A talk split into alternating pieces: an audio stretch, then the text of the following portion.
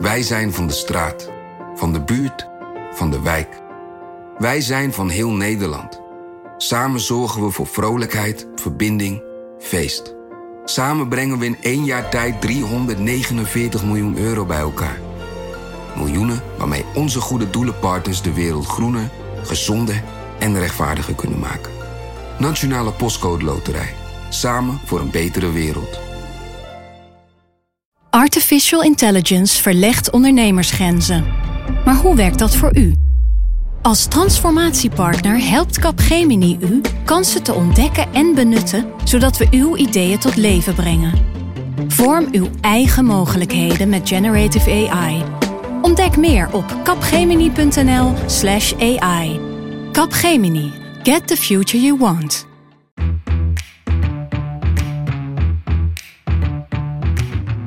Dit is Haagse Zaken van NRC. Mijn naam is Lemia Aharwai.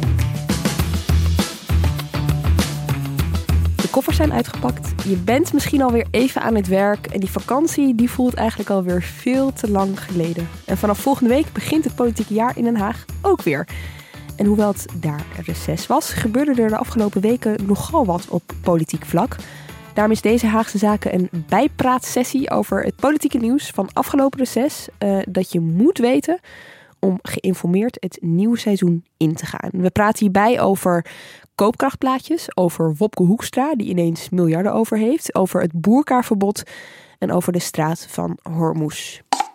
Voor mij staat een hele grote kan met koffie. Die ga ik uh, komend uur maar eens leeg drinken. En uh, het eerste gedeelte daarvan uh, met Floor Boon. Jij volgt Defensie voor NRC. En de afgelopen weken um, ging dat vooral over de ontwikkelingen rond de straat van Hormuz. En voordat we gaan uitleggen wat daar gebeurde deze zomer, is het goed om te weten um, ja, waar het ligt en waarom het zo belangrijk is. De straat van Hormuz is eigenlijk een zeeengte, een heel nauw uh, stukje zeestraat. En die verbindt de uh, Perzische golf met de golf van Oman. Mm -hmm. En je moet je voorstellen dat in het noorden daarvan ligt Iran, groot land. En in het uh, zuiden daarvan, zeg maar, ligt de Verenigde Arabische Emiraten. En een klein stukje exclave van Oman. En op zijn smalst is die zeeengte zo'n krappe 39 kilometer breed. Uh, en 20 tot 30 procent van de wereldwijde olietoevoer gaat er doorheen door olietankers. Oh, dat want is uh, veel. Dat is hartstikke veel. Uh, want eigenlijk geeft het gebied toegang tot de grootste olievelden van Saoedi-Arabië, de Verenigde Arabische Emiraten, Kuwait, Zuid-Irak en zuidwestelijk Iran. Dus ik moet het zo voor me zien dat een vijfde van alle olie die gewonnen wordt uit de wereld, die komt uiteindelijk langs die straat van Hormuz op van die enorme schepen. Ja, en die gaat eigenlijk overal ter wereld heen. Voornamelijk naar Azië, moet ik zeggen. Maar ook naar Europa en naar uh, de VS. Ja, en van wie is, wie is kun, je, kun je spreken van een soort van eigenaar van die straat van Hormuz? Of werkt dat niet zo? Nee, niet echt. Uh, de, de straat, de territoriale wateren zijn verdeeld, zeg maar, langs de kuststaten. Dus een deel hoort bij Iran en een deel hoort bij Oman. Een deel hoort bij de, dat kleine stukje van uh, Oman, als ik het goed zeg. Uh, er is wel onder het internationale zeerecht bestaat het recht op, dat heet dan innocent passage. Dus dat is dat betekent dat iedereen in principe vrij mag doorvaren, zolang de veiligheid van de kuststaten niet wordt bedreigd. Oké, okay, en op deze plek, deze straat van Hormuz, lopen de spanningen de afgelopen weken uh, behoorlijk op. Goedenavond, dit is Nieuwsuur. De spanning in de straat van Hormuz die loopt op. Een tanker gekaapt, Trump die troepen richting de regio stuurt. En dus rijst de vraag, hoe denken ze er daarover in Iran als wij een fregat zouden sturen? I think the Iranians believe that that would be a hostile act and it would only increase tensions. It would also create greater confusion. And I think that uh, European countries should stay out of this American escalation. Floor, wat is daar aan de hand? Wat is de kern van deze spanningen? Ja, de kern die ligt eigenlijk al eerder en die gaat tussen de Verenigde Staten en Iran. En de kern ligt erin dat vorig jaar president Trump de nucleaire deal, of nucleaire akkoord, dat, ga ik zo even uitleggen, uh, met onder andere de Verenigde Staten en Iran, uh, dat de Verenigde Staten dat eenzijdig hebben opgezegd. Uh, stukje achtergrond daarvan, om dat te begrijpen. In 2015 onderhandelden de vijf permanente leden van de Veiligheidsraad, dus dat zijn Groot-Brittannië, Frankrijk, Duitsland, China, Rusland, plus ook Duitsland, wat is een belangrijke handelspartner van uh, Iran. Die onderhandelde echt na jarenlang een overeenkomst, uh, een nucleaire deal met Iran. En de kern daarvan is dat Iran afziet van de ontwikkeling van kernwapens. Daar waren ze eigenlijk mee bezig, of daar waren aanwijzingen toe. En in ruil daarvoor beloofden die andere landen om de sancties die toen golden te verlichten. Economische sancties zijn dat, hè? Onder andere economische sancties, uh, om die op te heffen eigenlijk. Uh, nou, dat was echt een ongelofelijke doorbraak waar ook de EU heel veel inspanningen in had gestopt om dat mogelijk te maken. En vorig jaar uh, zegde uh, Trump die deal op, eenzijdig. Ze zeiden omdat er aanwijzingen waren dat er toch weer een nieuwe ontwikkeling van kernactiviteit was. De andere partijen zagen daar niet voldoende bewijs van. Dus de VS stapte uit die deal en daarmee stond eigenlijk ineens die deal onder druk, maar ook de relatie tussen de VS en Iran, die al heel lang slecht en wankel is, ook opnieuw. Uh, dit jaar, in het voorjaar van 2019, uh, kwam daarbij dat vanaf mei ongeveer, eind april, mei, uh, begonnen de Verenigde Staten te zeggen dat uh, Iran hun eigen olie, de, de olietankers van de Amerika aan het aanvallen was. En daar leverden ze videobewijs van. Uh, dat dat zou zijn gebeurd. Werd heel erg ook in twijfel getrokken in de internationale gemeenschap. Maar als reactie daarop, eigenlijk vrij snel, zonden ze een vliegdekschip en bommenwerpers Zo, naar de ja. regio. En heel veel troepenopbouw in buurland Irak. Dus de hele boel stond meteen onder spanning. Nog een stapje verder, daar kwam bij dat in juli, begin juli, is in Gibraltar, dat is officieel uh, een overzees gebied van Groot-Brittannië. Daar hield Groot-Brittannië een Iraanse tanker staande omdat die er aanwijzingen waren dat die tanker olie naar Syrië aan het brengen was. En dat, dat mag, mag niet. niet onder EU-sancties. Nou, dat was een nieuwe stap. En vervolgens, twee weken daarna, gijzelde Iran in de straat van Hormuz een Britse tanker. En toen was eigenlijk ineens de spanning compleet. De VS was al veel langer, hè, begon ook weer wat steviger taal uh, tegen Iran te uiten. En ineens voelde Europa zich daar ook in betrokken. Wat er aan de hand was, is dat allerlei landen zeiden: hey, die straat die zo belangrijk is, als er daar iets gebeurt, dan hebben we een probleem. Dan staakt de olietoevoer, uh, dan uh, stijgen de olieprijzen. Dat moeten we voorkomen.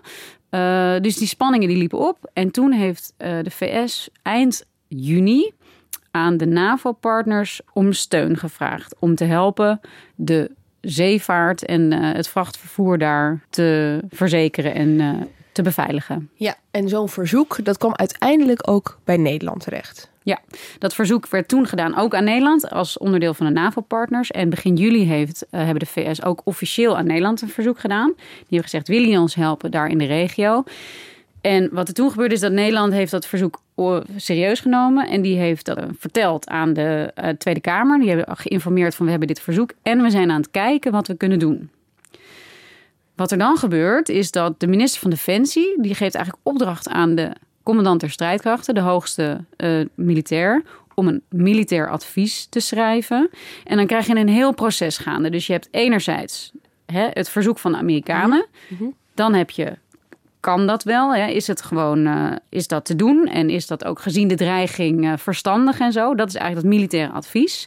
Uh, dat schrijft de directie operaties van Defensie. Waar kijken ze bijvoorbeeld naar? Kijken ze ook naar materieel, naar personeel? Naar, zijn we er klaar voor op alle gebieden? Zij kijken naar al die dingen. Naar materieel, personeel. Kunnen we het aan sowieso? Hebben we voldoende middelen? Maar ook is het verantwoord gezien de dreiging? Hebben we voldoende steun als het nodig zou zijn? In het geval er toch geëscaleerd zou worden. Ja, ja zij nemen uiteindelijk niet de politieke beslissing, maar ze zeggen wel van dit kunnen we onder die en die omstandigheden. Dat advies ligt er. Eigenlijk kunnen we wel zeggen, het is eigenlijk geheim, maar we weten wel dat het er ligt. Het zal half augustus komen. Hè, ja, het zal half augustus komen. Ze zijn iets later uh, uh, geworden. Uh, maar de, de, het politieke besluit, de wenselijkheid, gaan we dit ook daadwerkelijk doen? Dat is eigenlijk wat er nu aan de hand is. Maar intussen gaat natuurlijk aan de voorkant de ontwikkelingen door. En die ontwikkelingen die zijn dat de, de, de spanningen op dit moment een beetje getemperd zijn. Afgelopen weekend was er een, uh, de top van de G7 in uh, het Franse Biarritz. En daar is eigenlijk wat meer ontspanning gekomen. In de zin van uh, Frankrijk heeft de Iraanse minister van Buitenlandse Zaken uitgenodigd. Er wordt nu gesproken van mogelijk een ontmoeting tussen Trump en de Iraanse president Rouhani. Dat zou echt voor het eerst sinds decennia zijn Of dat er komt is even onduidelijk, maar het is wat getemperd. Zijn bewegingen in de goede richting? Of Ja, dat zou, je, naïef? dat zou je kunnen zeggen. Het blijft een beetje ongewis. Je weet Ja. nooit wat er volgende week gebeurt. Ehm, maar daarnaast speelt nog even iets anders. De VS deden dit verzoek. Kom, Europese landen, help ons in die regio. Help ons met een patrouillemissie of wat dan ook. Ehm daartegenover stelde Groot-Brittannië, toen May nog premier was... van hé, hey, weet je wat, wij gaan geen, niet meedoen met de Amerikanen... we gaan een Europese missie optuigen. Precies om de reden die je eigenlijk net ook in dit fragment hoorde. Namelijk, op het moment dat je je aansluit bij de Amerikanen... dan geef je een behoorlijk signaal af aan Iran... dat je partij kiest in het conflict. Precies. En eh, nogmaals, die context. In die nucleaire deal heeft de VS zich teruggetrokken en de EU niet. En als je dan alsnog kamp kiest voor de VS, dan heeft dat natuurlijk allerlei uitwerkingen daarop ook. Precies. En die landen, waaronder dus eh, Duitsland en Frankrijk eh, en Groot-Brittannië, die hebben er enorm belang bij dat die deal in stand blijft. Die willen eigenlijk dat het blijft zoals het is. Die hebben geen bewijs gezien dat Iran zich er niet aan heeft gehouden. En die willen heel graag dat eh, de deal in stand blijft. Ook belangrijk is dat er naast het verzoek over steun in de straat van Hormuz nog een ander verzoek van de Amerikanen al eerder lag. En dat is namelijk dat de Amerikanen hebben gevraagd om steun in Syrië.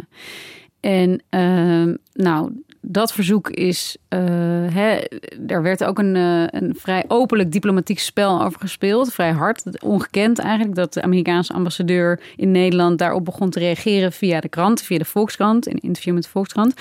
Waarop eh, de minister van Defensie weer liet weten dat Nederland geen grondtroepen gaat sturen. Maar wat dan wel? Want op het moment dat we niet misschien wel in Hormuz actief worden, dat Nederland zich daar niet eh, mee bezig gaat houden, dan ligt er toch die vraag van een hele belangrijke bondgenoot. Betekent dit eigenlijk dat je niet twee keer nee tegen de Amerikanen kan zeggen? Zo eenvoudig is het niet, maar het is wel een heikele kwestie. Je, Nederland wil graag tegemoetkomen aan zijn goede bondgenoot Amerika en kijkt in welke mate dat kan. En ehm, eh, het is niet zo dat je nooit twee keer nee kunt zeggen. Als je goede redenen hebt, kan dat zeker. Maar ze zijn toch wel genegen om een beetje eh, die goede bondgenoot goed te houden. Dus daar zit je in een heel moeilijk diplomatiek pakket. Enerzijds ga je dus mee met het verzoek van een hele belangrijke bondgenoot. Anderzijds wil je niet partij kiezen in dit conflict.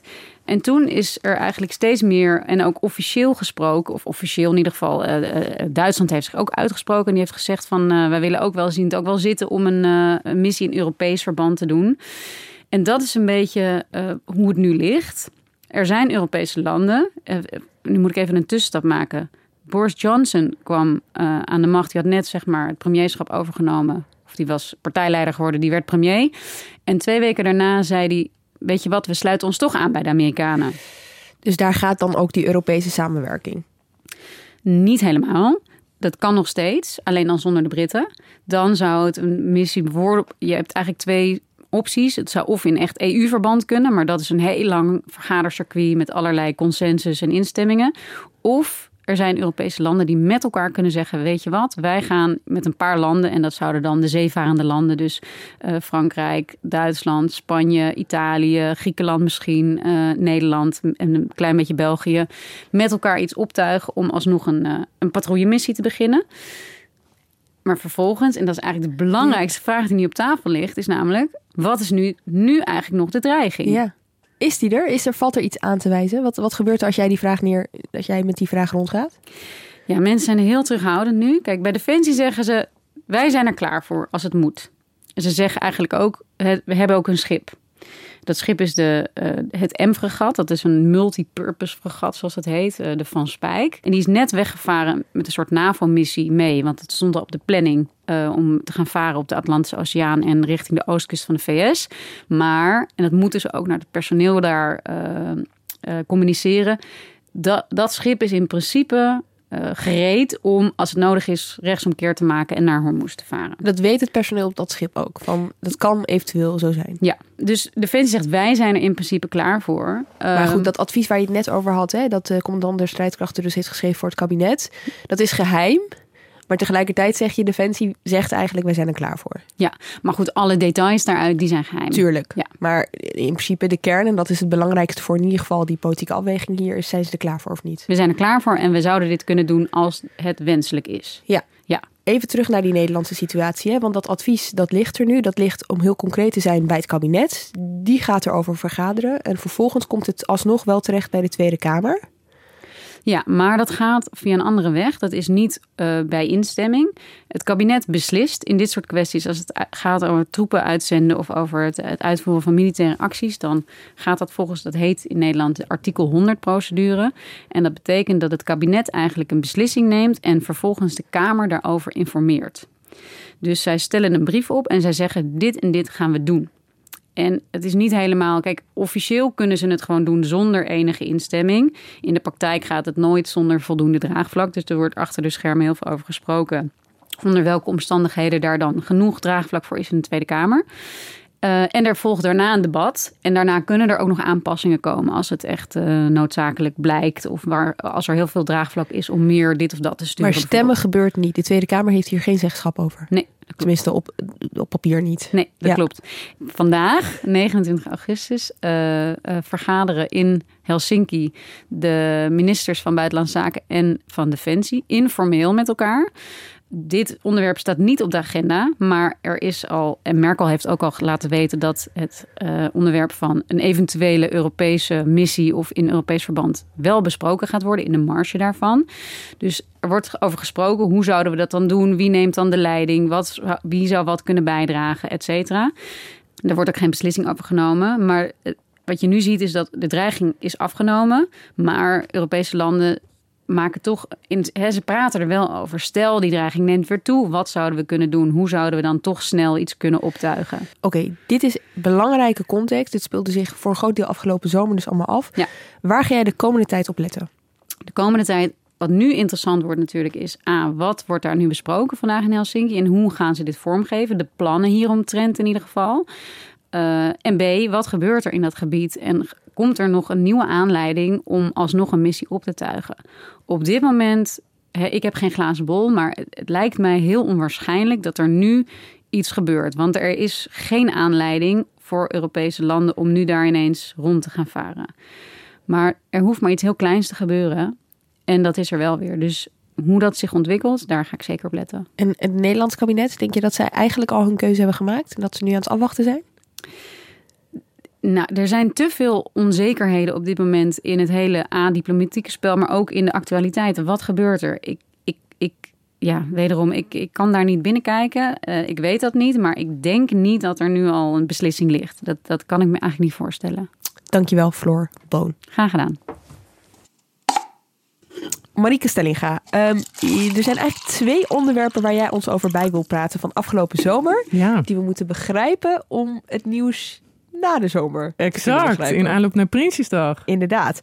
En laten we eens uh, beginnen bij uh, onze minister van Financiën, Wopke Hoekstra. Die lijkt ergens een pot geld te hebben gevonden. Ja, fantastisch. Ik zat voor mijn vakantie, echt vlak daarvoor, uh, naar Jinek te kijken, waar Wopke Hoekstra was. en tot mijn verrassing zat ik opeens op het puntje van mijn stoel, want hij zei daar iets waarvan ik dacht, hè, wat zegt hij nu? Maar nou komt het gekke. Het geld wat we nu nog nieuw lenen, en ik heb dat de afgelopen twee, jaar, twee dagen ook weer gedaan. We hebben een paar miljard geleend. Dus dan leen je een paar miljard als overheid. En dan krijg je als bonus krijg je nog een paar miljoen toe, omdat je dat geld leent. Dat is bijna niet te bevatten, maar dat is wat er op dit moment gebeurt met die negatieve rente. En wat die economen zeggen, en wat denk ik ook terecht is dat je daar nadenkt over de kansen en de risico's, biedt dat nou nog mogelijkheden in het huidige ja, economische en dan klimaat. denk je, nou wat zegt die man nou? Maar hij zegt hier eigenlijk, hè, Hoekstra staat bekend, heeft ook een beetje bijnamen in die trant. Hè, als iemand die voor die schatkist ligt en niemand komt langs mij. Beetje overdreven, want hij geeft natuurlijk net zoals elke minister van Financiën bakken met geld uit. Maar anyway. Maar komt het ergens vandaan? Ik bedoel, is hij extra streng of is het nou, gewoon... hij, in de coalitie heeft hij namen als uh, meneer Nine, hè, van nee, de, op zijn Duits en de blokkeervries. Uh, nou ja, hè, dat is allemaal uh -huh. leuk. Hij heeft die bijnamen maar hij doet moeilijk. Nou, zeg ik even bij, elke minister van Financiën in Nederland is super populair. Houdt ook van het imago, ik lig voor die schatkist, daar worden Nederlanders blij van. En ondertussen kan je er allemaal kanttekening bij maken dat ook Wopke Hoekstra lekker bezig is met geld uitgeven. Maar goed, we houden het even bij dit imago. En hij zegt op televisie, ja, ik heb een niet te bevatten situatie. Geld is goedkoper dan gratis. Denk daar even over na. Dat is ook bijna niet te bevatten. Maar goed, als de Nederlandse overheid geld leent, dan krijgen ze er geld bij van de mensen die aan ons lenen. Ja, dan ga je toch wel nadenken als minister van Financiën. Wat doe ik met deze uitzonderlijke situatie? Hij nam daar een aanloopje toe in Jinek. Eigenlijk ging hij daarna niet verder. Het gesprek ging over andere dingen. Maar ik dacht, yo, als hij dit zegt, en ik kom terug van vakantie, dan moet ik daar meteen een beetje gaan rondvragen van wat bedoelt hij nou? Wat gaat hij doen? Oké, dus gaat jij op vakantie en jij weer terug? Ja, en ik denk meteen rondvragen. Nou, en inderdaad, dan hoor je van ja, ja, ja, misschien moet er wel een investeringsfonds komen. Dat was ook vorige week groot nieuws bij de Telegraaf. Uh, misschien uh, moeten we wel eh, minder met de staatsschuldverlagen bezig zijn. Nou ja, dat zijn allemaal nieuwe gedachten uh, voor een minister van Financiën, maar ook wel een beetje voor de Nederlandse politiek, die altijd erg bezig is met het huishoudboekje op orde, staatsschuld verlagen, netjes uitlenen. En ja, wij zitten nu eigenlijk te wachten op wat gaat het kabinet dan doen? Wat gaat Wopke Hoekstra doen met dat geld dat goedkoper is dan gratis? Waarom, is, waarom kan deze nieuwe gedachte nu ineens wel dan, als we dat in Nederland niet gewend zijn? Nou ja, omdat je dus in die gekke situatie zit dat je er geld bij krijgt als je geld leent. En waarom zou je dan nog, hè, er zijn steeds meer economen die betogen dat je dan eigenlijk, ja, ik mag deze uitdrukking niet gebruiken van mijn collega Philip de Wittewijn, maar, ik doe het toch. Niet. Dat je, dat je een dief bent van je eigen portemonnee. Sorry. Uh, als, je als je die staatsschuld gaat aflossen en het is zo goedkoop, dan ben je eigenlijk heel raar bezig. Dat is punt 1. Het tweede is steeds meer economisch zeggen van ja, de overheid geeft eigenlijk, is, speelt een te kleine rol in die economie. Die moet meer doen. We geven eigenlijk, zijn we met onze zuinigheid, met onze lage staatsschuld heel raar bezig in deze uitzonderlijke economische tijden. En die betogen hebben kennelijk enig effect op Bob Hoekstra. Ik vraag me wel af, eh, want jij noemde net al het investeringsfonds. Dus ja. dat is de keuze uh, die ze hebben gemaakt. Kun je daar iets meer over vertellen? Wat, wat weten we daarover? Nou ja, buitengewoon weinig. Oh. Uh, want ja, misschien moet je wel een investeringsfonds oprichten. Hè? Je leent nu geld en je stopt dat in een fonds en dan ga je leuke dingen doen voor het land. Uh, als je aan uh, de mensen in Den Haag vraagt, hè, degene die hier een beetje over aan het nadenken zijn, of over aan het onderhandelen zijn, waar ga je dan je geld in stoppen?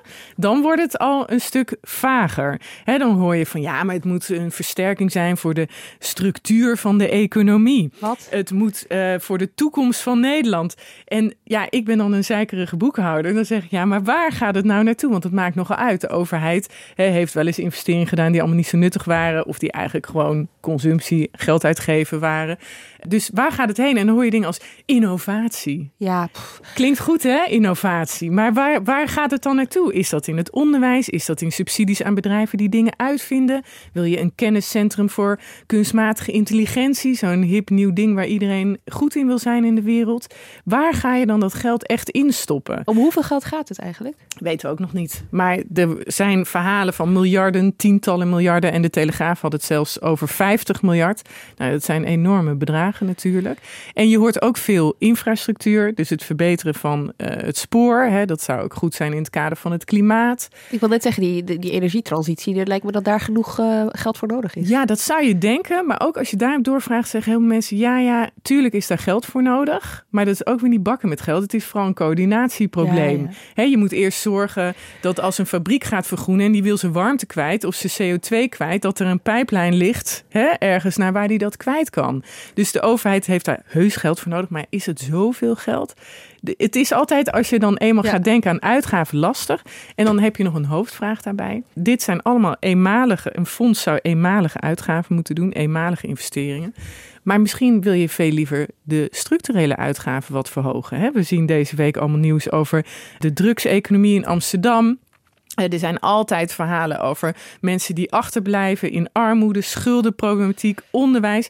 Waarom niet structureel iets meer uitgeven? Lijkt me ook nog een vraag. Dus ik kan me zo voorstellen dat vakministers nu uh, met z'n allen uh, uh, op een rijtje voor het ministerie van Financiën staan. Ja. Al die auto's met chauffeurs staan achter elkaar geparkeerd, zodat ze één voor één langs kunnen bij met zijn hand op. Ja, ja, en dat is ook het gevaar. Hè. We hebben wel eens eerder dit soort fondsen gehad. Het Fonds Economische Structuurversterking. Over, we hadden allerlei gasbaten en moest dat dan niet geïnvesteerd worden in plaats van zomaar uitgegeven. Nou, dat bleek altijd toch, hè, als het de nood aan de man kwam, aan dingen te worden uitgegeven waarvoor het niet de bedoeling was. Dus het is ja. een heel moeilijk gegeven in de politiek. Je hebt opeens veel geld. En wat doe je er dan mee? Maar ja, wat het leuke dan weer is voor mensen zoals ik die dat een beetje volgen. Eigenlijk heeft het hele kabinet heb je uit out of the box gehaald. Hè? Ja. Die zitten niet meer in een gewone wereld. Die zitten opeens in een andere wereld waar al het geld gratis is en waar maar je in in theorie natuurlijk, is allemaal niet in het echt, hè, gewoon opeens zou kunnen uitgeven. En die mens, ja, ik ben dan ook heel benieuwd, wat zit er in die hoofden? Wat zijn ze allemaal zit, aan het bedenken? Er zit een soort zwartkijker in mij en die denkt, gratis geld bestaat niet. dit, is toch, dit is toch ergens ook gevaarlijk of zo? Ja, ik ben het zo met je, dit is volkomen waar. Het is heel goed dat je dit zegt. Kijk, alles wat jij nu extra leent, en dan kan je wel zeggen, ja, maar de rente is negatief en ik krijg er geld op toe. Maar alles wat jij nu extra leent, dat is ook ruimte die jij inneemt hè, van voor de toekomst. Want de situatie kan ooit veranderen. En dan kan die staatsschuld toch weer uh, oplopen. Of de tekorten kunnen oplopen. Of de economie zou het slechter mee kunnen gaan. Dus ja, je moet daar heel goed over nadenken. Wat doe ik als de rente stijgt? Wat doe ik als het slechter gaat? Is dat wel bestendig tegen dat soort schokken? Zo'n uh, uitgave, zo'n grote uitgave of zo'n fonds. Dus ja, nee, er zijn ongeveer 100 miljoen vragen. Ja, ik kan dus, me uit... Uh, ik, ik loop stuiterend rond van vertel het me maar, kabinet. Ik kan me uit 2012, toen het net weer wat beter ging, weet je wel 2013 uh, ging het economisch wat beter na die enorme crisis. En toen hoorde je steeds weer vanuit Den Haag: je moet het dak repareren ja. Als de zon schijnt. Ja, maar dat ja. is dus blijkbaar niet altijd het geval. Nou ja je, ja, je moet het dak repareren als de zon schijnt. Maar dat, dat zou, je zou kunnen betogen dat er nu nog een dak te repareren is. Hè? Dus dat de overheid in deze wereld waarin alles toch op een andere manier werkt, wat een grote rol zou kunnen nemen. Maar ja, goed, weer welke? Welke rol? Wat gaan ze doen? ja. ja. Hier horen we waarschijnlijk meer over op Prinsjesdag, kan ik me zo voorstellen. Ja, want dat is alweer ik bijna. Dat wel, ja. Over Prinsjesdag gesproken. Daarmee komen we ook meteen op het tweede onderwerp. We gaan het hebben over een niet zo populair woord. Kookkracht. Yes. Tell me all about it. Ik heb dat tot volledig gemist afgelopen zomer, maar er is veel gebeurd. Ja, kijk, dit is gewoon traditie. Hè? Je kan het klok, klokslag elk jaar, half augustus. Er gebeuren altijd dezelfde dingen. Uh, en nou, dat gaat ongeveer zo. Half augustus komt het Centraal Planbureau, de economen, met hun voorspelling voor de economische groei voor het jaar erop. En afgeleid daarvan het, de overheidsfinanciën, begrotingstekort, maar ook koopkracht. Hoe gaat het met de portemonnee van gewone mensen? Nou, dat is op half augustus. Op dat moment dat het CPB dat voorspelt, gaan alle ambtenaren op het ministerie van Sociale Zaken en Financiën zitten rekenen. Wat betekent het voor de ouderen? Wat betekent het voor die groep, die groep? Wie gaat er meer op vooruit dan wie? Nou, gaan ze allemaal naar kijken. En dan gaan gaat het kabinet er naar kijken. En die gaat zeggen van ja, vinden wij nou, hè, dit jaar was er best een aardig verschil voorspeld in koopkracht vooruitgang voor gepensioneerden en voor mensen die werken. Vinden wij dat politiek aanvaardbaar? Of krijgen we dan eindeloos Henk Krol, hè, die zegt uh, de ouderen, moeten we daar wat aan doen? Dus dan gaat het kabinet repareren. Die Yes. gaat de koopkrachtplaatjes repareren. En dat beslissingsproces vindt deze week plaats. Rond, is bijna afgerond en komt op Prinsjesdag naar buiten. En dan is het doel van elk kabinet, elk jaar weer... wij willen een mooi verhaal op Prinsjesdag. Wij willen aan de mensen vertellen... Iedereen gaat erop vooruit. Gaat, iedereen, ja, alle, ja, dan hebben ze een mooie formulering. Alle groepen, Ja. want iedereen kan je nooit zeggen. Ja. Hè? En dan gaan ze vertellen van, nou, iedereen... Nee, zeg ik het ook weer verkeerd. Alle groepen gaan erop vooruit. Of de meeste huishoudens gaan het merken. Eh, en daar hebben ze heel veel geld voor over elk jaar. Dus daar wordt echt nog wel wat besloten vanaf half augustus. De afgelopen jaren ging het om eh 700 miljoen euro. Een keertje boven een miljard euro. Dat er nog geschoven wordt in de begroting. Om te zorgen dat de me- meer mensen erop vooruit gaan het jaar daarna. Even concreet, dat wordt dan vertaald in maatregelen. Hè? Ja, in maatregelen, ja. En dan gaan ze bijvoorbeeld in de belastingen zitten rommelen Ja. met de eh, kortingen en schijven en toeslagen en tarieven en eh, weet ik wat. Eh, en dit jaar schijnt het zo te zijn, eh, wordt nu uit de coalitie eh, gelekt, dat ze toch wel tegen de 3 miljard euro aan reparatiemaatregelen zitten. Om eigenlijk ons volgend jaar, hè, het jaar voor de verkiezingen, laatste jaar voor de verkiezingen in maart 2021. Heel belangrijk. Even nog in die portemonnee wat, wat leuks mee te geven. En heb je al enig idee welke groepen daarvan zullen profiteren? Wordt, gaat er al iets over rond? Nou, er gaat zeker wat over rond. En dat is met name dat de bedrijf, het bedrijfsleven, de winstbelasting, die zou verlaagd worden volgend jaar. En dat dat uh, op uh, onhold is gezet om te zorgen dat huishoudens en burgers er meer op vooruit kunnen gaan. Dus daar is geschoven hè, in eigenlijk uh, naar aanleiding van wat premier Rutte zei voor de zomer. Als de komende tijd die cao's niet aanzienlijk meer gaan stijgen in dit type grotere ondernemingen, dan moet de overheid het voor zijn rekening nemen. We gaan de komende tijd, conform een regeerakkoord, fors de lasten van de grotere ondernemingen verlagen. Denk bijvoorbeeld aan het hogere tarief voor de vennootschapsbelasting. Maar misschien moeten we wel eens gaan nadenken of we daarmee door moeten gaan. En als zij het niet doen, dat wij die tarieven minder verlagen of niet verlagen. En dat geld teruggeven aan de werknemers in lagere inkomstenbelasting. Dat is het risico dat ze daar nu lopen. Ja, dit was dus op het eh, VVD-festival. Ja, ook voor de zomer. Midden juni. Mark Rutte stond op het podium. Ik, ik, ik was er toevallig bij. En ik moet zeggen, ik keek om me heen en ik dacht, sta ik hier nu bij de PvdA of sta ik nog steeds bij de VVD? What happened? Ja, nee, en dit was ook een opmerkelijke uitspraak van Rutte op dat moment. Klaas Dijkhoff had ook al allerlei dingen gezegd in deze richting. Uh, je zag van, hé, hey, wat gebeurt er bij de VVD? En eigenlijk was de grote vraag voor deze zomer, voor deze onderhandelingen die ik net schetste hè, over de begroting voor volgend jaar Gaan ze nu, gaat de VVD, Rutte en Dijkhoff nu zeggen: ja, wij willen dat nu al gevolg geven, deze uitspraak? Of zeggen ze, wat ook een optie was geweest. Ja, maar de lonen stijgen nu wel wat meer. je ziet nu de eerste, de cao's worden, de hogere loonstijgingen worden daarin afgesproken. We kijken nog even tot volgend jaar. Want heel slim, de andere drie partijen van de coalitie, CDA, ChristenUnie en D66, hadden meteen gereageerd op deze uitspraak van Rutte. Wij vinden het prima hoor. Het uitstellen van die verlaging van de winstbelasting voor bedrijven. Dus met ons kan je direct zaken doen. Dus zij legde de bal meteen weer bij de VVD. Als je dit soort grote woorden gebruikt, kan je er bij ons hè, mee, meteen een deal over maken om daar gevolg aan te geven. En dat lijkt nu ook te gebeuren. Dus de VVD lijkt nu ook uh, te hebben afgesproken in deze begrotingsonderhandelingen. Van nou inderdaad, we stellen die verlaging uit en dat gebruiken we voor de mensen, zodat zij wat meer overhouden volgend jaar. Politiek gezien ook gewoon heel erg interessant. Wat jij net zegt Absoluut. met die context, weet je wel, van die verkiezingen die er aankomen. De VVD richt zich heel nadrukkelijk op middengroepen. Absoluut. Uh, het, CDA doet dat de afgelopen tijd, vooral uh, na Pieter Heerma, uh, ook redelijk nadrukkelijk. Met andere woorden. ook heeft ook veel over middeninkomens. Dus hier, hier is echt, de VVD heeft daar een echt een verandering van nou ja, houding. het bedrijfsleven. Het was altijd het idee van nou, als wij goed zijn voor het bedrijfsleven, als wij de belastingen laag houden voor bedrijven, dan komt dat ten goede aan de economie en aan de mensen. En ze lijken een beetje van dat recept te zijn afgestapt, althans nu. Uh, en uh, volgend jaar iets leuks beloven. Uh, het is natuurlijk ook verkiezingen. Hè, dat is ook fijn als het dan landt in het jaar voor de verkiezingen en het gaat goed. Um, ik wil hier heel graag nog één grote disclaimer bij maken. Want die hele koopkrachtplaatjes en de voorspelling voor volgend jaar. Het CPB maakt die dingen zelf. Maar die zegt er bijna wanhopig elk jaar bij: alsjeblieft mensen, het is een zeer beperkt getal, een zeer beperkt cijfer. Het kent allemaal mitsen en maren en het zegt eigenlijk heel weinig over wat jij volgend jaar in jouw portemonnee overhoudt.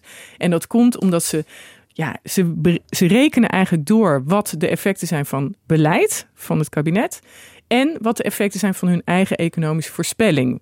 Zeggen ze ook allemaal mits en maren bij. Brexit, handelsoorlog, Trump, weet je wel. Tuurlijk, het is geen zekerheid, het is allemaal onzekerheid. Maar wat het belangrijkste is, jouw persoonlijke situatie heeft een veel groter effect op je koopkracht dan deze twee dingen die ik net noem. En dat is, word je, eh, ga je met pensioen, ga je scheiden, ga je scheiden koop je een huis, verlies je een baan, krijg je een baan. dit zijn echt middelste metingen, de mediaan van groepen. Ja. En het is zo'n beperkt cijfer eigenlijk dat ik niet zou willen dat mensen uit mijn praatje nu net denken dat ze volgend jaar allemaal in de Hosanna-stemming moeten schieten. Oké, en toch heb ik één vraag. Want jij noemde net dat magische bedrag van 3 miljard dat dan geïnvesteerd wordt uh, om koopkrachtpraatjes te repareren. Zo heette dat, hè? Uh, tegen 700 tot 900 miljoen normaal. Nou ja, de afgelopen jaren. Ik Ja. heb het voor een stuk zitten inventariseren. En toen was het volgens mij, eh, zeg ik nu even uit mijn hoofd hoor. De ene keer net iets boven een miljard, de andere keer 700 miljoen. Eh, het, zelfs het demissionaire kabinet eh, Rutte 2 had nog 400 zoveel miljoen voor de mensen. Dus ja, er wordt altijd wel iets gedaan. Dus zeg maar 3 miljard klinkt dan wel duizelingwekkend hoog. Ja, lijkt nu, hè, dat lijkt nu zo 3 miljard. Dat is natuurlijk allemaal nog, eh, wordt dat nu gelekt. We moeten nog de harde cijfers zien op Prinsjesdag. Nou ja, ja, het is een stuk hoger. Het is in die zin ook echt wel eh, opmerkelijk en bijzonder. En eh, ja, ze hebben er geld voor over. Hè? Dus dat gevoel van er is geld, waar we het net over Ja. hadden met het investeringsfonds. We gaan het uitdelen. En we delen het vooral uit aan mensen en niet aan bedrijven. Grote bedrijven. Want bij de kleine bedrijven, de allerkleinste, gaat die ver- winstbelastingverlaging wel door. Dat eh, zit er kennelijk in. Nu al zin in om er eh, gemiddeld op vooruit te gaan, wellicht als mijn eigen situatie niet verandert met alle mits en maren. Ik zou nergens op toch- rekenen. Toch meteen een stuk minder. eh, Echt nergens op rekenen. Het hangt ook af van de lonen, van de inflatie. Van de, ja, echt. Toch bedankt, Marieke Ja, Stellinga. Dankjewel. Rick Rutte, jij volgde afgelopen zomer een eh, nieuwe wet die eh, op 1 augustus van kracht ging. De wet gedeeltelijk verbod gezichtsbedekkende kleding. Nee, mondvol. Better known as het boerkaverbod. Precies. Even kort voor wie afgelopen zomer echt diep, diep, diep in de jungle eh, heeft gebivakkeerd. En zonder enige toegang tot nieuws. Wat houdt deze wet in? Nou, het idee van dit verbod is dat je, als je in eh, overheidsgebouwen begeeft, in ziekenhuizen, in scholen en ook in ehm, het openbaar vervoer, zoals je de tram pakt of de bus, dan mag je geen kleding dragen die je gezicht bedekt. Nou, dan gaat het bijvoorbeeld over integraalhelmen en bivakmutsen, maar natuurlijk vooral over eh, de boerka of eh, de niqab. Dus de sluier die het hele gezicht bedekt of alleen een eh, spleetje bij de ogen laat, eh, laat bestaan. En het is een, een hele rare wet. Ik bedoel, dat merk je al aan hoe die heet. En er zit ook nog wat te haken en ogen aan, zoals tijdens feesten en partijen. Dus bijvoorbeeld tijdens carnaval is er ook weer een uitzondering. Want dan mag je dus wel als prins carnaval in een eh, vreemde uitdossing op het gemeentehuis eh de verschijnen. Dat heeft eh, Ja. de, de Brabantse lobby voor elkaar gekregen. Het is even goed om te benadrukken. Het is geen algeheel verbod. Je mag gewoon in burka op straat lopen, winkels in, bij een bushalte staan. Ja. Alleen vervolgens niet die bus in. Dat Ja, dus je mag inderdaad op die bushalte staan. Zodra je de bus instapt, dan overtreed je de, de regel. En je ziet dus dat sinds die wet ingevoerd op 1 augustus... dat hier eigenlijk ook voortdurend onduidelijkheid over ontstaat. In de allereerste week hadden we al meteen een incident in een speeltuin in Nijmegen... waar een vrouw met een boerka verscheen en die vervolgens eh, geweigerd werd. Die werd eh, eruit gezet, die diende toen een klacht in. En toen bleek inderdaad dat een speeltuin helemaal niet bij de plekken hoort... waar een boerka verboden is. Die heeft toen een eh, vrijkaartje gekregen ter waarde van 4,85 euro. Dat is mooi opgelost. Yes. Maar dat geeft natuurlijk wel aan. Het, het is al een hele vreemde wet in hoe die is opgesteld. En het wordt eigenlijk nog vreemder als je kijkt naar wie hem dan precies moet gaan uitvoeren. Ja, eerst even eh, in hoe die is opgesteld. Eh, Kun je daar iets meer over vertellen waarom, waarom dat anders dan anders is? Ja, dat heeft eigenlijk, moet je even kijken naar de geschiedenis van hoe die wet er überhaupt is gekomen. Het is een ideetje geweest van Geert Wilders. Een van zijn eerste ideeën eigenlijk toen hij zich losscheurde van de VVD in 2005. En sindsdien heeft het allemaal gedaanteverwisselingen ondergaan. Dus in eh, Rutte 1, het kabinet dat gedoogd werd door de PVV, zou er een volledig boerkaverbod komen. Zoals je dat in heel veel andere landen ziet, ook op straat. Vervolgens viel dat kabinet, dus het kwam er niet van. Toen werd het wel weer opgepakt door Rutte 2 met VVD en PvdA. En toen heeft PvdA-minister Ronald Plasterk vervolgens het opnieuw in stemming gebracht. Die heeft het eigenlijk voor het eerst door de, de Tweede Kamer geloodst. En toen was het alweer wat afgezwakt. Dus toen zou het alleen worden toegepast op eh, nou ja, overheidsgebouwen, bussen, precies zoals we het nu kennen. En toen kwam eh, Rutte 3 dat het nog door de Eerste Kamer moest loodsen. Maar inmiddels zat er weer een andere minister. En dat is Keizer Olongen van D66. Nou, had Plasterk er al wat andere gedachten over dan Wilders. Maar nu zie je helemaal dat er een minister op een plek zit... die helemaal geen zin heeft om die wet eh, in te voeren. En eigenlijk zie je dat er alles aan gedaan is om die wet dus zo in te voeren... dat die niet te veel eh, ophef zou veroorzaken. Dat was het idee. Die wet konden ze niet meer herschrijven, want die was er al. Dus wat hebben ze gedaan? Ze hebben eigenlijk aangegeven dat ze hebben het uitgesteld, ze hebben rustig aangedaan. ze Twee hebben keer de- zelfs. Precies, ze hebben binnenkamers ook heel kalm aan die wet nog eens herbekeken en herbekeken en duidelijk gemaakt aan alle uitvoerders. Van ons is die handhaving eigenlijk niet zo noodzakelijk. Deescaleren, dat was het idee. En niet te streng handhaven. En dat kwam dus vanuit het ministerie. de, vanuit het ministerie is heel duidelijk gemaakt aan alle partijen dat de uitvoering bij hen lag. En dat zij dus gingen over de handhaving en dat ze daar vrijheid in kregen. Ja, en wat deze wet dan ook zo gek maakt, is dus dat een deel dan van die betrokken eh, partijen, van die handhavers zou je kunnen zeggen, al van tevoren zei, ja, wij hebben hier eigenlijk helemaal geen zin slash tijd voor, uh, wij gaan niet handhaven. Uit onderzoek van Nieuwsuur blijkt dat de meeste instanties niet van plan zijn om de nieuwe regels erg streng te gaan handhaven. Ik ben het niet van plan om dat te gaan handhaven. Ik vind dat zo niet bij onze stad passen. Het Albert Schweitzer ziekenhuis heeft vandaag laten weten het boerkaverbod niet te zullen handhaven. Omdat wij toch geluiden krijgen dat de wet die vanaf 1 augustus ingaat, dat die toch door verschillende gemeentes en door de politie niet zal worden gehandhaafd. Als er iemand met gezichtsbedekkende kleding in een voertuig komt, dan registreren we dat. Verder nog niets. Kun je dat voorstellen dat, uh, dat je te hard rijdt over de snelweg en dat er een agent ja, bij je toe komt en dat zegt: uh, Ja, ik heb het wel geregistreerd, maar we gaan er niets mee doen. Dikke pluim, prima. ja, maar dit is toch, ja, goed. Dit is dus ook enorm tegen het zere been van uh, sommige Kamerleden in. Ja, en natuurlijk van, van Wilders. Die bouwde de eerste dag nog een feestje dat zijn wet er gekomen was. die werd daarna ook wel geërgerd toen hij zag hoe het, het uitpakte. Maar je ziet die ergens ook wel bij de coalitie. En dan vooral bij CDA en VVD. Uh, bij Dennis Wiersma van de VVD, die baalt er ontzettend van dat, uh, dat er dus geen prioriteit aan wordt gegeven door de gemeente. En je ziet het ook bij uh, Harry van der Molen van het, van het CDA. Die, die twee die trekken eigenlijk nu al van leer. Die hebben allebei al kamervragen gesteld voor als het nieuwe politieke seizoen begint. Wat hem betreft is dit echt te soft. Ja, Harry van der Molen die zei eigenlijk al ergens midden augustus... deze invoering is mislukt. En minister van Binnenlandse Zaken Kajsa Ollongren die kreeg daar de schuld van. Maar het is gewoon de stelregel in Nederland dat wij open met elkaar omgaan. Dat je elkaar in het gezicht moet kunnen aankijken. Dat dat de manier is waarop we met elkaar omgaan in Nederland. En die norm die handhaven we gewoon. En uh, dat betekent ook dat die gehandhaafd moet worden. En je ziet nu hele discussies over in het openbaar vervoer. Bij de politie hebben we dat gehad. Het ministerie heeft de politie op de vingers getikt. Die wilde dat eerst ook niks aan doen. Ja, heb ik een probleem met de minister. Want die minister die is ervoor verantwoordelijk dat deze wet die aangenomen is en de wet van het land is, dat die goed wordt uitgevoerd. Hij wil nu dus ook in debat met Ollongren. Uh, ik zat te kijken naar het persloket. Dat zeg maar altijd de agenda van de Tweede Kamer die rondgestuurd wordt. Voor volgende week, dus de eerste vergaderweek, staat het er nog niet op. Maar het zal vast wel op die agenda gaan verschijnen. Ja, de, de, de vragen tijd. zijn gesteld. Dus dat zullen zij zeker wel, en, wel willen. En daarmee komt dat boerkaverbod dus ook weer terug in de vergaderzaal. En ik ben dan toch wel benieuwd, hoe ligt dit politiek? Wat betekent het als het weer in de Tweede Kamer besproken gaat worden? Nou, je ziet dat er partijen zijn die uh, heel duidelijk voor handhaving zijn.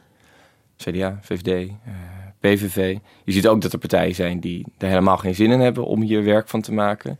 En even het ministerie heeft dus wel bijvoorbeeld duidelijk moeten maken dat de wet gevolgd moet worden. En uh, de politie duidelijk moeten maken dat je niet het verbod kan negeren. En tegelijkertijd, dat is dan weer dat dubbele signaal, hebben ze aan iedereen aangegeven dat ze het liever niet zo zien. Nou, daar zie je eigenlijk de spagaat mee, vooral van de partijen die dit uit moeten voeren of partijen die er gewoon intern verdeeld over zijn. Dus bij D66 zie je dat. En ook bij de PvdA. De PvdA heeft echt een, een, uh, een scheidslijn eigenlijk door de partij lopen. Die partij heeft voor het verbod gestemd in de Tweede Kamer. Vervolgens tegen gestemd in de Eerste Kamer.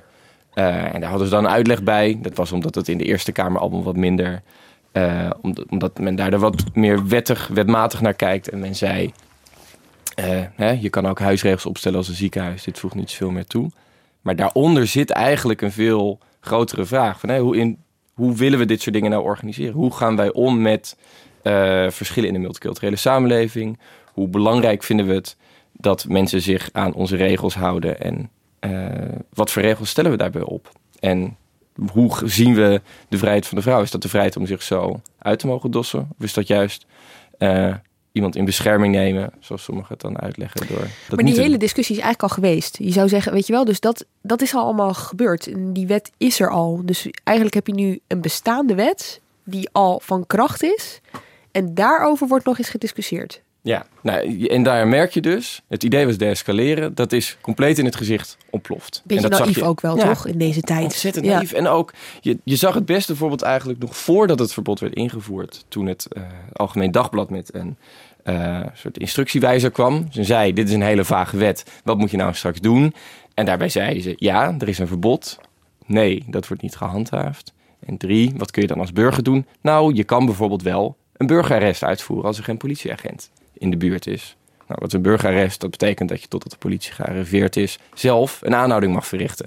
Bijvoorbeeld, zoals het AD schreef, door iemand tegen de grond te drukken.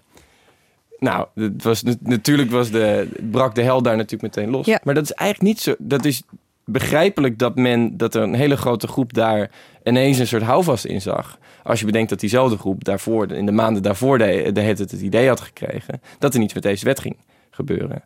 En door steeds in het midden te laten, vanuit het ministerie, vanuit de politie en vanuit de vervoersbedrijven, wie nou precies zou gaan handhaven, is dat steeds erger geworden. En zie je ook dat ineens een buschauffeur, zoals we al gezien hebben, de klos kan zijn omdat hij het idee heeft, of zij het idee heeft, dat hij een regel moet handhaven. En dat gebeurde hè, afgelopen zomer. Ja, precies. Dat was in, uh, in Limburg. Stapte een vrouw met boerka op de bus. Die werd vervolgens door de buschauffeur uh, daarop aangesproken. De buschauffeur zette de bus stil, belde de politie en die vrouw werd de bus uitgezet.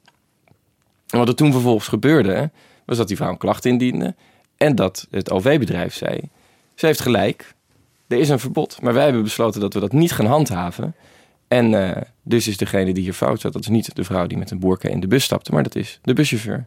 Oké, Rick, ik vraag me echt af, wat nu? Want deze wet is er, er is uh, ontevredenheid over, er is onduidelijkheid over. Wat verwacht jij komende maanden op, op dit gebied? De grote crux is precies waar al die vervoersbedrijven, die ziekenhuizen, die hiermee te maken krijgen, zich steeds te beroepen. Namelijk, bij ons is iedereen welkom. Wij gaan dit niet uitvoeren en we hebben die ruimte. De grote vraag is, blijft dat bestaan? Of zegt de politiek toch, nee, als je deze wet niet handhaaft, dan is dat jullie probleem en dan gaan we daar uh, bij jullie op handhaven. Dat is de grote vraag. Dat is wat je ziet bij uh, Van der Molen, bij Wiersma, bij de PVV. Dat is precies het geluid dat ze de komende weken en maanden zullen gaan horen. En het, wat, je, wat ze zullen doen, is dat ze het op zullen nemen voor zo'n buschauffeur. En uh, het op zullen nemen tegen al die bedrijven en instanties die moeten handhaven.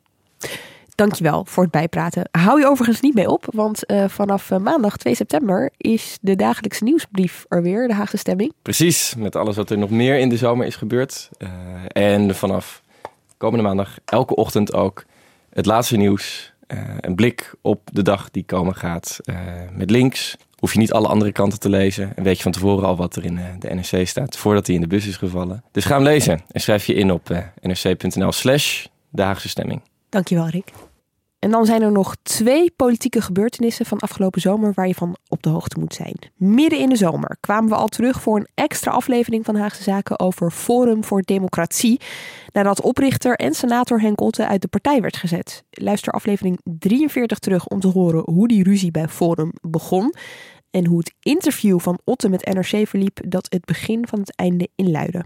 Maar in de weken na die aflevering bleef het onrustig. Want toen Otte op 24 juli werd gerooieerd, gaf hij aan een eigen partij te beginnen. En hij bleef herhalen: ik heb ook medestanders binnen Forum voor Democratie die met mij meegaan. Ik kan niet van andere mensen spreken, maar in de algemeenheid is er wel uh, onvrede over de koers die nu gevaren wordt. En ik heb, zoals ik zei, uh, heel veel steun en uh, heel veel e-mails ontvangen dit, de afgelopen dagen van mensen die zeggen. Laat je niet kisten door deze praktijken en ga je godsnaam wel verder. Een wekenlang dacht iedereen, ja, ja, het zit wel goed met die medestanders. Maar ze bleken er toch te zijn. Jeroen de Vries en Doreen Rookmaker die stapten 19 augustus uit Forum voor Democratie om zich aan te sluiten bij Henk Otte. Een dag later gaf ze een uitgebreid interview aan een vandaag met heldere taal over Thierry Baudet. Wat me uh, voornamelijk gealarmeerd heeft nu is dat hij allemaal ja-knikkers om zich heen verzamelt en er is helemaal geen tegenwicht meer. Dat, dat maakt het gewoon op dit moment zo ja, gevaarlijk. Hij was niet ontvankelijk voor, voor discussie. En hij begon vervolgens ook met een soort loyaliteitstest. Iedereen te, ja, te beoordelen op is iemand wel of niet uh, aan de kant van Thierry. En ze waren niet de enige uh, statenlid in Noord-Holland, Robert Balieu, die al door Forum verstoten was overigens. Die stapte ook over, net als statenlid uit Flevoland, Cornelis van den Berg. En op 27 augustus sprak ook Theo Hiddema, Tweede Kamerlid voor Forum voor Democratie, zich erover uit. dat hij het niet eens was met de manier waarop Otte uit de partij was gezet. Persoonlijke sentimenten, temperamenten en humeuren zijn geweest. Ja. Die de doorslag hebben gegeven tot een ongecontroleerde setting. Maar even overal, vindt u terecht dat Otte op deze manier die partij uit is Nee, gezet? Dat vind ik niet. Niet? Nee, dat verschil ik van mening van Baudet. Maar dat kan, want Baudet zit in het bestuur met roken. Ik niet. Die moeten een beslissing delen. Ja. En dat hebben ze zo gedaan. Ja. En ik vind de beslissing te abrupt, want het geeft een heleboel commotie. En naar mijn beste beschouwing had het niet zo gehoeven. Weet Dus, de, dus, dus eigenlijk had u Otte en ook Jeroen de Vries, waar u ook mee samen intensief heeft gewerkt, die had u het liefst nog gewoon binnen de partij gehouden. Ja, natuurlijk. Ja. Echt wel.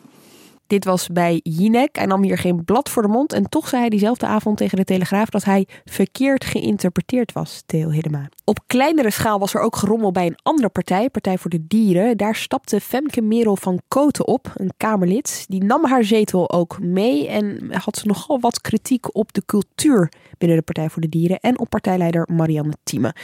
Ook daar zullen we de komende tijd waarschijnlijk wel iets meer van gaan horen. Van landelijk naar Europese politiek. Even leek het erop dat Jeroen Dijsselbloem de nieuwe IMF-baas zou worden. Vanmiddag meldde de Financial Times dat Jeroen Dijsselbloem bij de laatste drie overgebleven kandidaten zit om directeur te worden van het IMF, het Internationaal Monetair Fonds. Dijsselbloem lijkt een streepje voor te hebben om de vertrekkende Christine Lagarde op te volgen, omdat hij van 2013 tot 2018 voorzitter van de Eurogroep was. En het kwam zelfs heel dichtbij. En dan gaan we het hebben over Jeroen Dijsselbloem. De kans dat hij de nieuwe baas wordt van de IMF is inmiddels best groot. Dijsselbloem heeft nog één Europese concurrent over... nadat Olly Rehn vanmiddag eh, afhaakte. En de stemmen van Rehn die gaan zeer waarschijnlijk naar hem. Dat zou betekenen dat dan de Nederlandse lobby... om Dijsselbloem op die plek te krijgen glansrijk is geslaagd. Ja, slag om de arm dus nog. Maar net als Frans Timmermans een maand eerder viste ook Dijsselbloem uiteindelijk op het laatste moment toch achter het net. Om 21 uur 19 gooide Jeroen Dijsselbloem vorige week vrijdag op Twitter de handdoek in de ring. Hij trok zich terug als kandidaat voor het voorzitterschap van het IMF. En dat terwijl hij in ons land werd gezien als de ideale opvolger van de Française Christine Lagarde. Dus in korte tijd mislukte Nederlandse lobbypogingen in Europa twee keer. Weet niet wat dat zegt. Dit was alles wat je moet weten over het politieke nieuws van afgelopen reces. Vanaf volgende week gidsen we je weer door het nieuwe politieke seizoen. Abonneer je op Haagse Zaken en je ziet ons gewoon iedere zaterdag in je podcastfeed verschijnen. Productie is in handen van Iris Verhulstonk. Tot volgende week zaterdag.